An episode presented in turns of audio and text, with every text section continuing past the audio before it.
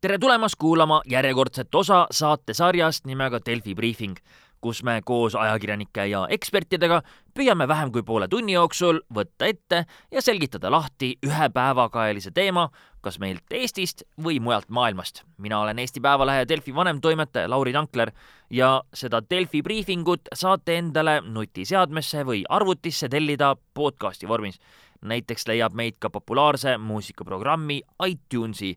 podcastide nimekirjast. vajutage siis tellimisnupule ja iga kord, kui Delfi briifing ilmub, on see automaatselt alla laetud teie, teie nutiseadmesse või arvutisse. lähiajal hakkame mitmes erinevas vormis nii Eesti Päevalehes, Delfis kui ka siin briifingus kajastama ja käsitlema valimiste teemat. kohalike omavalitsuste volikogude valimised toimuvad tegelikult juba vähem kui kuu aja pärast, viieteistkümnendal oktoobril ja me ajakirjanikena tunnetame sellistel puhkudel valimiste eel erilist vastutust. kuidas informeerida valijaid selle kohta, kes on nende kandidaadid, me ju teame, kes tahavad saada linnapeaks, aga et kes on need ülejäänud inimesed, kes nendes samades nimekirjades on, kuidas äh, need kandidaadid üldse, mis nende taust on, mida nad lubavad, äh, mida nad üldse lubada saavad näiteks? Kuidas lubadusi lugeda ja miks sellised kohalikud valimised üldse tähtsad on meie alustame kandidaatidest ja mina siin tahaksin pöörata tähelepanu sellisele, minu tähelepanek on siin see, et kohalike valimiste kontekstis on omavalitsuse suurus üsna oluline selle koha pealt, et äh, mida väiksem valimisringkond on, seda suurem tõenäosus, et valija mingilgi määral tunneb isiklikult või siis vähemasti kohaliku elu ettevõtte, kohaliku elu öö, osana neid inimesi, kelle poolt nad hääletada saavad. kui aga näiteks Tallinna puhul sinu ringkonnas võivad kandideerida, võib kandideerida sadu inimesi, on üha keerulisem endale selgeks teha kõigi nende inimeste taustad ja see, selle, kui usaldusväärsed need inimesed on. selleks meie ajakirjanikena siin olemegi, et aidata sellele kaasa, teha teie eest teatud osa tööst ära ja pöörata tähelepanu meie arvates äh, kandidaatide puhul olulistele nüanssidele. täna, neljapäeval, kahekümne esi-, esimesel septembril ilmunud Eesti Päevaleht äh, räägib näiteks sellest, et Tallinnas kandideerivate enam kui tuhande neljasaja kandidaadi puhul suutsime üles leida selle, et vähemalt kakskümmend üheksa nendest, seega vähemasti kaks protsenti kandidaatidest on varasemalt kriminaalkorras karistatud. kümme ehk siis kõige rohkem nendest, kümme tükki, äh, kandideerib Keskerakonna ridades, kellel ongi kõige pikem valimisnimekiri Tallinnas üldse. kuus inimest kandideerivad äh, Edgar Savisaare ja Tegusa Tallinna valimisliidu nimekirjas, neli IRL-is, kolm EKRE-s, kaks meie Tallinna nimelises valimisliidus, üks Eesti Ellujäämise Erakonna nimelises ettevõtmises, jah, ausalt, selline valimisnimekiri on ka olemas, ja üks on üksikkandidaat pikemalt saate sellest lugeda Delfist ja Eesti Päevalehest, aga just nendest tulemustest tahaksingi täna briifingus rääkida. miks see oluline on, kuidas me need inimesed üles leidsime ja kuidas te saate ise oma valimispiirkonna puhul igaks juhuks üle kontrollida, kui te juba muidu ei tea, kas teie eelistatud kandidaat võiks olla taolise minevikuga. minuga on stuudios nüüd äh, Eesti Päevalehe kaks reporterit, kes äh, selle artikli meie jaoks kokku panid Oti Eiland, Mihkel Tamm ja sellepärast ma tahtsingi kõigepealt küsida, Oti, sinu käest, et äh, kuidas, kuidas sellised numbrid äh,, kuidas te üldse kätte saite, need inimesed, kuskohast need äh, nimed tulevad ja mis registrist, kuidas see, kuidas see protsess käib? no protsess on tegelikult väga lihtne, et äh, on teada kandidaatide nimed, keda siin üle, Tallinnas on üle tuhande neljasaja võtsime need nimed, panime nad äh, siis Riigi Teatajas on selline tore äh, kohtulahendite register, panime need nimed sinna sisse, kasutasime natuke ka siis roboti abi, sest et käsitsi seda on päris nagu keeruline teha. saime need nimed sealt siis iga nimele, või noh, igale nimele jah, nii palju kui neid vastajaid sealt tuli, vaatasime need lahendid üle, noh, seal oli ka, oli ka nimekaime, oli ka igasuguseid muid pisiasju, noh näiteks seal kuskil valesti parkimine või, või, või kiiruse ületamine, mis siis on väärteod Äh, aga, aga me jätsime jah, sealt siis kõik selle muu pudru välja ja võtsime sealt kriminaalasjad.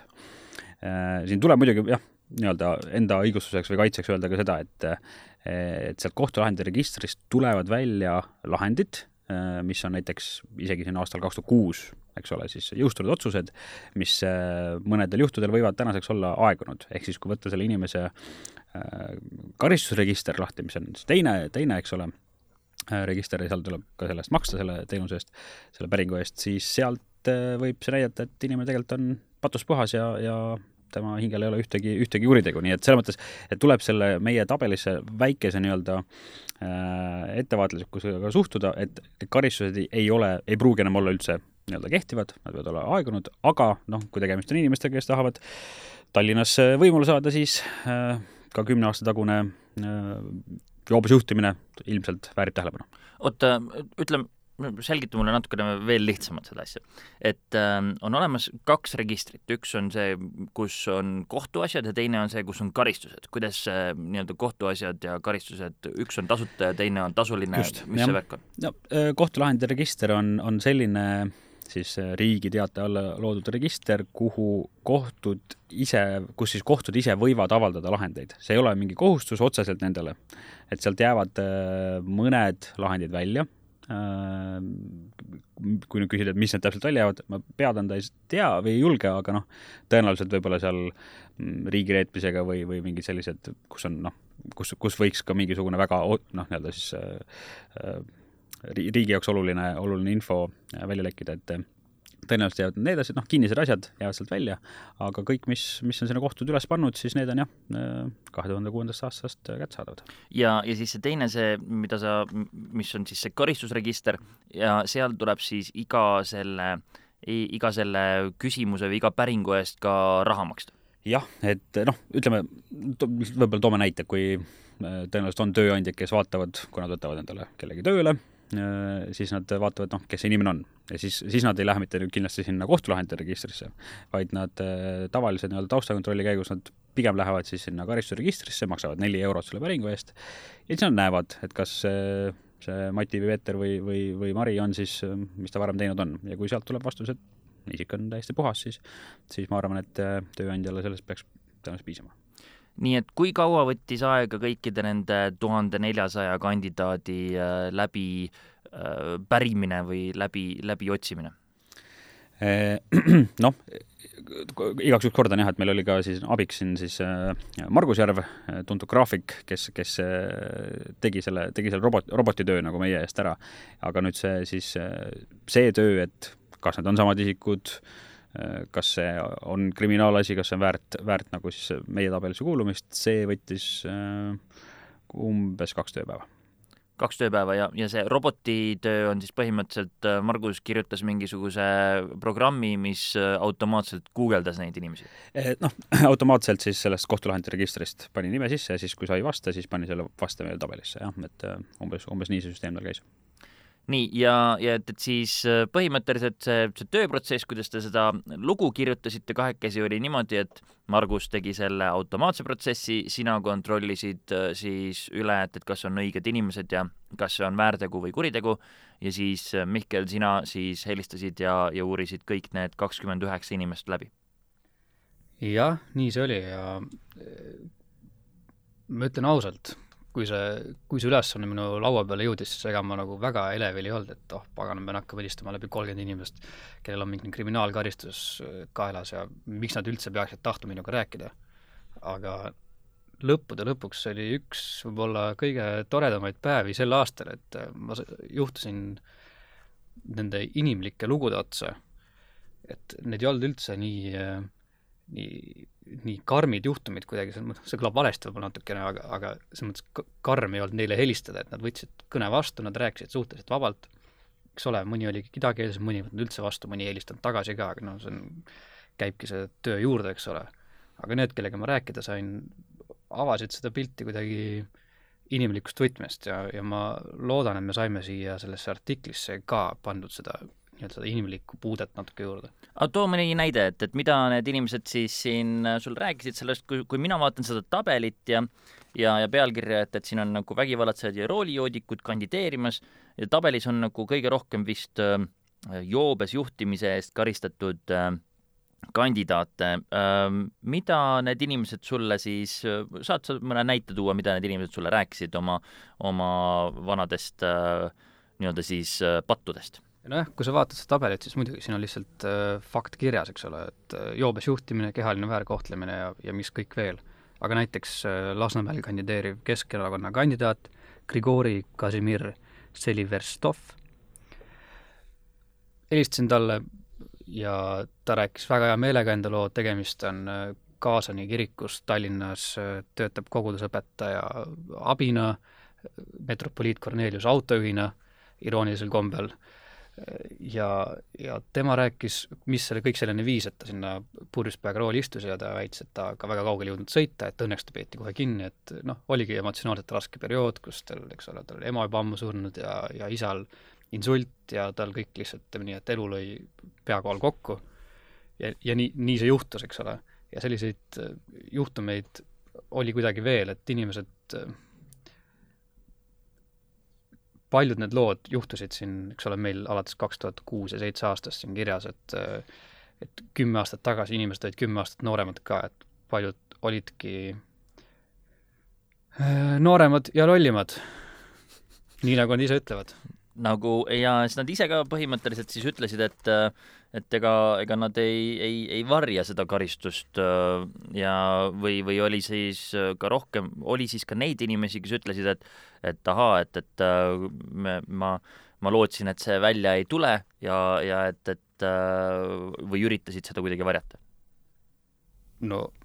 üks inimene oli neist selline, kes kuuldes, et me tunneme huvi selle nii-öelda tema mineviku kohta, tahtis kohe kandideerimisest loobuda paraku on need tähtajad ammu möödas juba, ta ei saa enam enda nime sealt valimisnimekirjast maha võtta. nii et nagu öeldi, sellest valimisnimekirjast ei päästa enam surm ka mitte. ja, ja ja vot, mis see küsimus nüüd oli? Ei, ma küsisin, kas, kas mõni nendest üritas nagu ka nii-öelda väita, et või üritas nagu kuidagi varjata seda, et, et Aa, ei, ei, keegi ei üritanud varjata nad, nad ei, noh, mis sa ikka varjad, selles mõttes, kui ma juba helistan neile ja, ja kõik on teada, et tegemist on nüüd, kui nad on pannud enda nime sinna valimisnimekirja ka avaliku elu tegelastega, nad on kandidaadid, need, nad ei saaks seda kuidagi varjata aga ma küsin siis, Oti, sinu käest, et, et kas ma saan, noh, ma õigesti saan aru, et, et tegelikult ei tohiks olla mingit probleemi sellega, et, et kui sa oled varasemalt kriminaalkorras karistatud või siis ka väärteo, väärteo korras karistatud, ega tegelikult ei ole ju mingisugust takistust kandideerimaks või isegi ma ei tea, linnapeaks saamas? takistab ainult see, kui sa oled reaalselt vanglas et, et jah, kurioossel kombel, kui sa oled, seadus ütleb ka nii, kohaliku omavalitsuse seadus, et või et, et selles mõttes, et sa ei saa äh, kandideerida juhul, kui sa oled äh, süüdi mõistetud ja äh, kannad vanglakaristust. see ja seal vahel on hästi oluline, et selles mõttes, et et kui see oleks nagu või see sõna seaduses, siis oleks nii, et ei saaks ka äh, kriminaalkorras karistatud inimesed kandideerida, aga, aga nad saavad. Ja, ja noh, ja siis muidugi teine variant on see, kui siin Edgar Savisaare näitel, kui ikkagi on tagandatud, noh, tema on, tema on tagandatud, eks ole, et et äh, aga muul juhul ei ole mingit takistust ja, ja noh, eriti veel jah, nii-öelda möödunud teo eest, et noh, ma, selles mõttes ühinen täiesti Mihkliga, et me selle lugu, lugu tehes ja need lood, eriti mis sealt välja tulid, oligi, oligi ju, andis meile selle tõuke, et noh, tegelikult okei okay,, noh, me toome selle välja, see on lihtsalt väga selline klassikaline ajakirjanduslik huvi, et kes, kes need inimesed on, kui nad kandideerivad. aga need lood on seal jah, päris, päris inimlikud ja, ja, ja tihti nagu noh, siin näiteks eilses Ekspressis oli meil siin äh, Kaia Jeppineni lugu, samamoodi, noh, inimene rääkis avameelselt oma depressioonist, oli, oli, oli ju täiesti läbi põlenud, et, et see, et ta nüüd seal mingil hetkel äh, purjus peaga autorooli juhtus, et noh, see on see on lihtsalt üks, üks jada tema, tema kurvast nagu loost ja noh, paratamatu. ma võib-olla ütleks kohe vahele selle ka, et raputaks natuke endale tuhka pähe. et see pealkiri siin lool on saanud võib-olla natuke ebaõiglaselt karm sellele, võrreldes sellega, mis see lugu tegelikult siin on. just et, et pealkiri on siis, et äh, Tallinna linnavolikokku kandideerivad vargad, vägivallatsejad ja roolijoodikud. nii seal on ja, kirjas. ma tõstatan kohe siin teise küsimuse ka, mis me tegelikult natuke juba hommikul koosolekulauas arutasime, et et kuivõrd need on niisugused vanad lood, et kas meil ühiskonnas, kui palju kehtib meil seda nii-öelda topeltkaristamise printsiipi, eks ole, et need inimesed tegelikult, kandidaadid, me tegelikult peaksime teadma, kes, mis nende taust on ja, ja nende suhtes on tegelikult ka see kõrgendatud huvi ja, ja nii-öelda see väljakaevamise aspekt ka õigustatud. aga valijad ise võib-olla peaksid ka hindama, et nii-öelda see teise võimaluse andmise moment siin asja juures, mina arvan, et see on niisugune kaalu, kaalutlemist väärt asi. jah, aga noh, siin jällegi samal ajal ei saa ka unustada, et siin on juhtumeid äh, sellest suvest, äh, juunikuust, ja seal on ka juhtumeid, minu arust üks härrasmees peaks olema vabanenud alles vanglast selle, selle aasta siis, selle aasta jooksul, kas ta nüüd oli kevadel või suvel, noh, täpselt ei tea, aga tihti nad saavad vist varem, varem vabaks, aga, aga noh, et seal on ka ikkagi tegelikult väga värskeid juhtumeid, et et aga, aga täiesti nõus Mihkliga, teise võimaluse küsimus on oluline. ja siis ma ütlen selle ka veel juurde, et tegelikult neid kar-, neid karistusi või neid selle eest, mille eest neid on süüdi mõistetud, tuleb vaadata ka, eks ole, erinevatel skaaladel, et kui meil on inimene, kes on siin pistise võtmise eest, siis tegelikult tuleb seda asja ikka vaadata märksa karmima pilguga, et me, kas me tahame sellist inimest linnavolikokku, kes on juba varasemalt pistist võtnud. just, et tal on see kalduvus oleks olemas mingisugune joobes juhtimine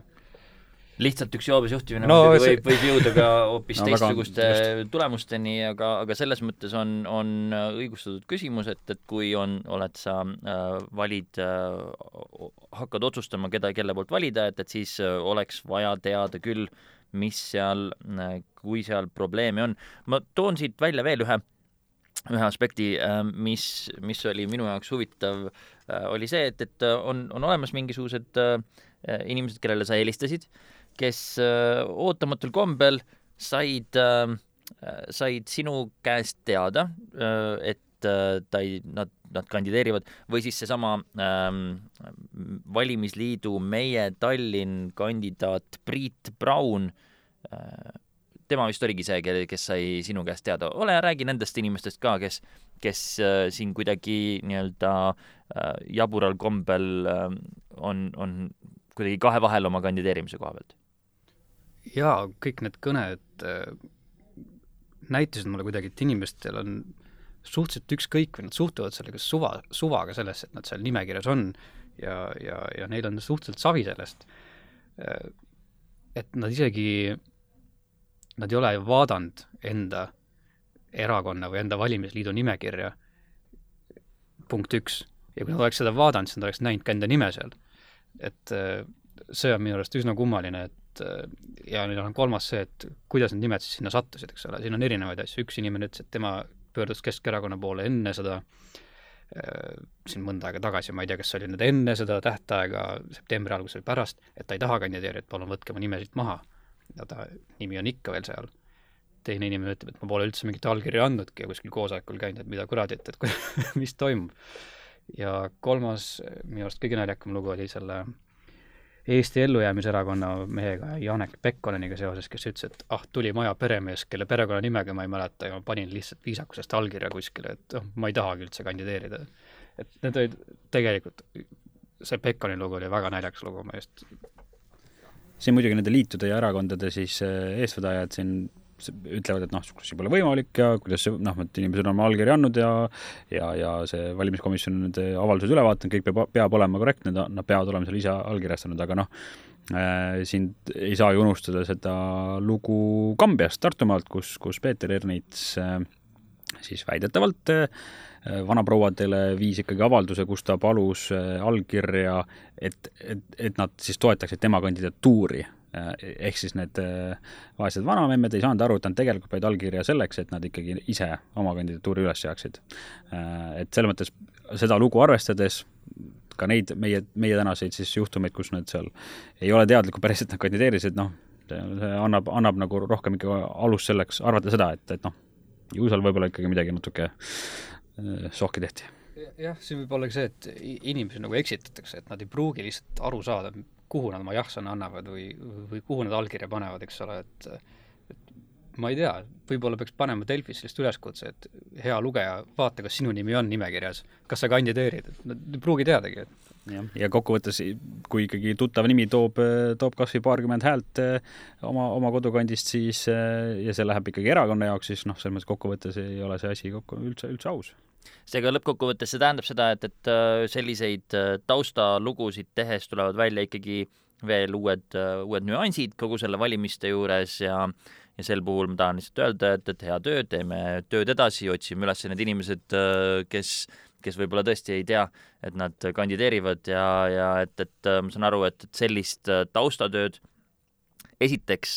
tuleks teha igal valimiste eel, tuleks ära teha ikkagi, et, et ei praegu äh,, Mihkel, sa ütlesid, sa küll raputad tuhka pähe endale teatud mõttes selle mingi pealkirja eest, aga, aga kas see ajakirjanduslikus mõttes on, on ikkagi vajalik äh, sinu arvates, et, et meie ähm, aja, ajakirjanikena selle üldse välja toome? loomulikult, see on äh, väga vajalik, inimesed peavad teadma, kes on seal nimekirjas, keda neil valida on,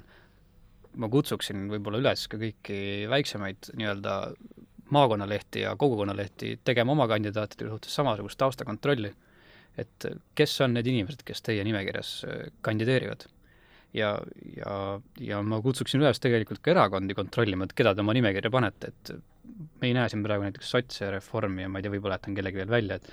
et ma tahaks teada, kas nemad on seda kontrolli teinud, et neil niisuguseid kandidaate ei ole või et, või on see lihtsalt kuidagi muud moodi nii läinud? ja igal juhul ma soovitan ka kõikidel inimestel, kes äh, hakkavad otsustama viieteistkümnendal oktoobril äh, seda, kelle poolt nad ise hääletavad, et on olemas üks äh, avalik ilma rahata register, kust kohast te saate läbi kontrollida, kas see inimene, kelle poolt te hääletate, on selles kohtulahendite registris olemas selle jaoks ja, ja siis, kui, kui seal teda ei ole, et, et igaks juhuks, kui teil on väga suur huvi kontrollida oma kandidaadi tausta, siis nelja euro eest saab karistusregistrist ka teada, kas teie kandidaat on, kas tal on mingisugust kehtivat karistust. igal juhul aitäh, Mihkel, aitäh, Oti! sellega meie briifing täna piirdub ja nagu juba öeldud, loodame, et ajakirjanikud jõuavad selliseid taustauuringuid teha ka mujal ja ka muud moodi. Sest äh, kriminaalkaristus, kriminaalkaristuse olemasolu või selline minevik on valimisotsuse puhul määravaks kindlasti mõnele valijale, kuid palju on ka neid kandidaate, kes on minevikus muude jaburdustega hakkama saanud, kuid mis ei pruugi just kuriteona või, või äh, väärteona määratletud olla. uurige oma kandidaate hoolega, guugeldage,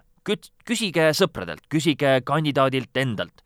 meie ajakirjanikena ei jõua kõigi kandidaatide tausta, tausta tegelikult uurida, ausõna, ei jõua. seega on, on minu hinnangul just nimelt valijate ehk siis teie endi otsustada, kui informeeritult teie selle otsuse ühel hetkel teete. ja nagu alati olen rääkinud, tellige siis see Delfi briefing endale podcastina, õpetage oma vanemad ja vanavanemad samuti podcast'e äh,